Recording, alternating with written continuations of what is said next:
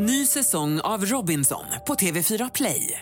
Hetta, storm, hunger. Det har hela tiden varit en kamp.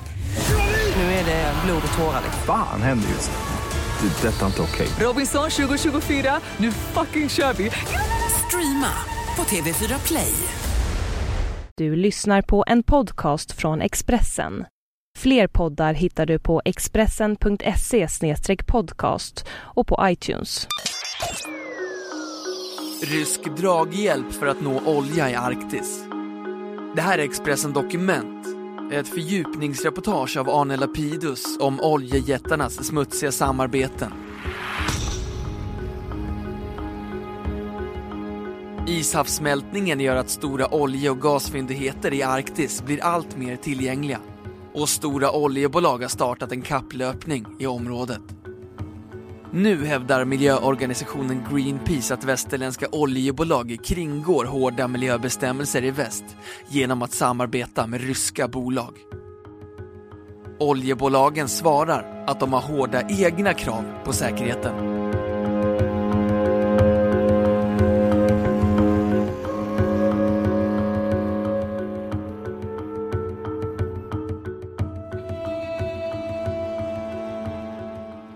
Greenpeace startar i dagarna en kampanj mot hur världens stora oljebolag som Shell och Statoil inleder vad miljöorganisationen kallar smutsiga samarbeten med ryska oljebolag som är långt ifrån redo att borra efter olja i arktiska förhållanden.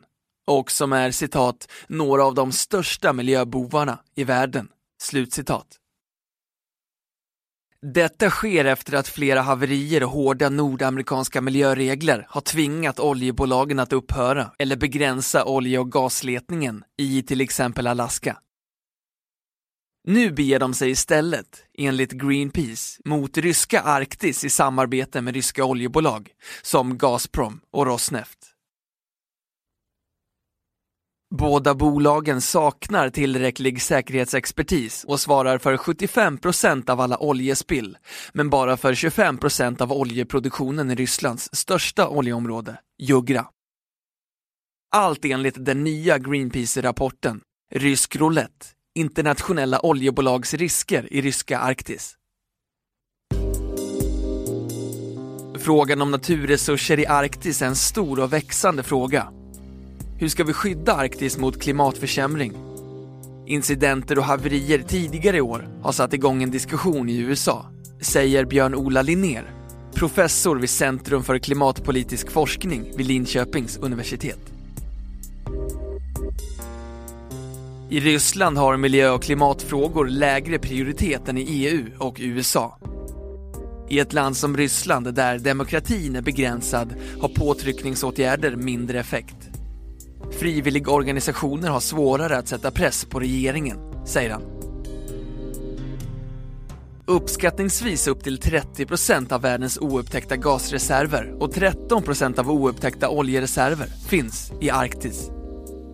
Därför intresserar sig de stora oljebolagen under senare år mer och mer för regionen runt Nordpolen. Shell hade ett borrprogram i Alaska men fick avbryta det förra året efter en rad haverier. Nu har Shell inlett samarbete med ryska oljejätten Gazprom. Samtidigt har bolag som amerikanska Exxon Mobil, norska Statoil och italienska Eni startat gemensamma projekt med det andra stora ryska olje och gasbolaget, Rosneft. Statoil bekräftar att man ingått i avtal med Rosneft om gemensam letning i ryska och norska farvatten men Statoil förnekar bestämt att bolaget skulle ta lätt på säkerheten. För oss är det en förutsättning att verksamheten kan genomföras på ett säkert sätt. Det är stora skillnader i Arktis. Större delen är isfri hela eller delar av året. Vi genomför idag letning i isfria områden eller under isfria perioder av året, säger Bård Glad Pedersen, informationschef på Statoil. Vi har valt att närma oss Arktis stegvis. Vi utvecklar ny kunskap och teknologi och vi vill inte gå snabbare fram än teknologin tillåter, säger han. Att hänsyn till säkerhet och miljö kan tillvaratas är en förutsättning också för verksamhet i Ryssland tillsammans med ryska bolag.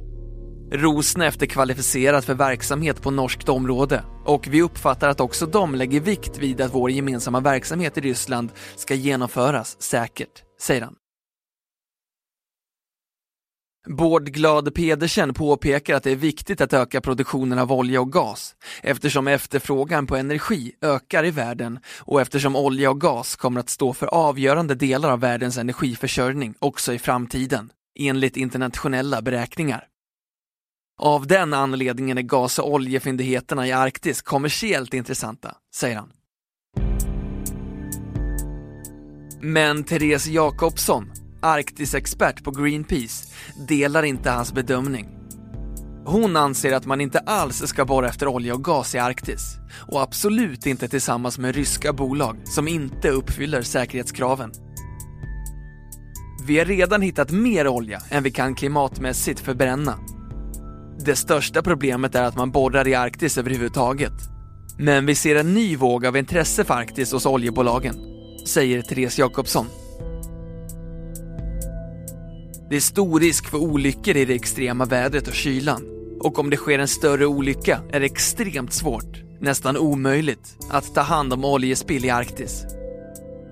Oljan bryts inte ner i det kalla vattnet och man kan inte använda metoder som bränning, lösningsmedel och bommar på grund av isen. Beredskapen och kunskapen hos oljebolagen matchar inte deras ekonomiska intressen när de har svårare att klara kontrollen på den amerikanska sidan ökar deras intresse i Ryssland, säger hon. Therese Jakobsson säger att det sprids otroligt mycket olja på den ryska tundran som de ryska bolagen inte tar hand om. Gamla oljeledningar i kombination med att permafrosten orsakar rörelser i marken leder till många brott och läckor på ledningarna. Det är inte trovärdigt att ge sig i lag med de ryska oljebolagen. Det väcker en rad frågor om säkerhet, miljö och urfolkens rättigheter i området, säger hon. Niklas Granholm är forskningsledare på Totalförsvarets forskningsinstitut, FOI, och expert på det strategiska spelet kring Arktis med alla dess militära, politiska, ekonomiska och miljömässiga aspekter. Han förklarar att den snabba ishavssmältningen vid Arktis leder till en lång rad effekter som ökar intresset för polarregionen. Vi är på väg att få ett nytt Arktis.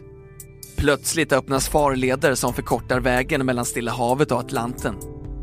Plötsligt blir områdets olja, naturgas och mineraler tillgängliga på ett helt annat sätt. Men naturen är fortfarande väldigt hård, säger Niklas Granholm. Så det är ännu svårt och riskabelt att utvinna olja och gas i Arktis. Det kräver stora investeringar som bara kan motiveras av höga priser. Idag hålls priserna nere sedan man kommit på metoder att bryta skiffergas i andra delar av världen. Så frågan är varför man ska utvinna dyr gas i Arktis.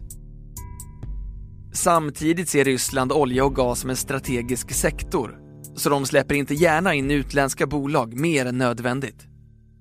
Det har förekommit att ryssarna tar den västerländska teknologin och sen kastar ut oljebolaget. Så jag tror inte att det blir så mycket utvinning i Arktis, säger han.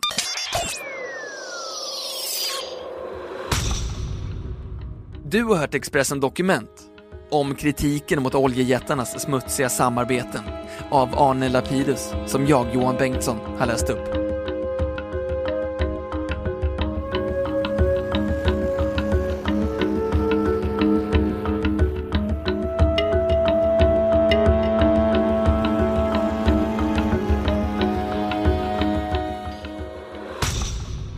Du har lyssnat på en podcast från Expressen.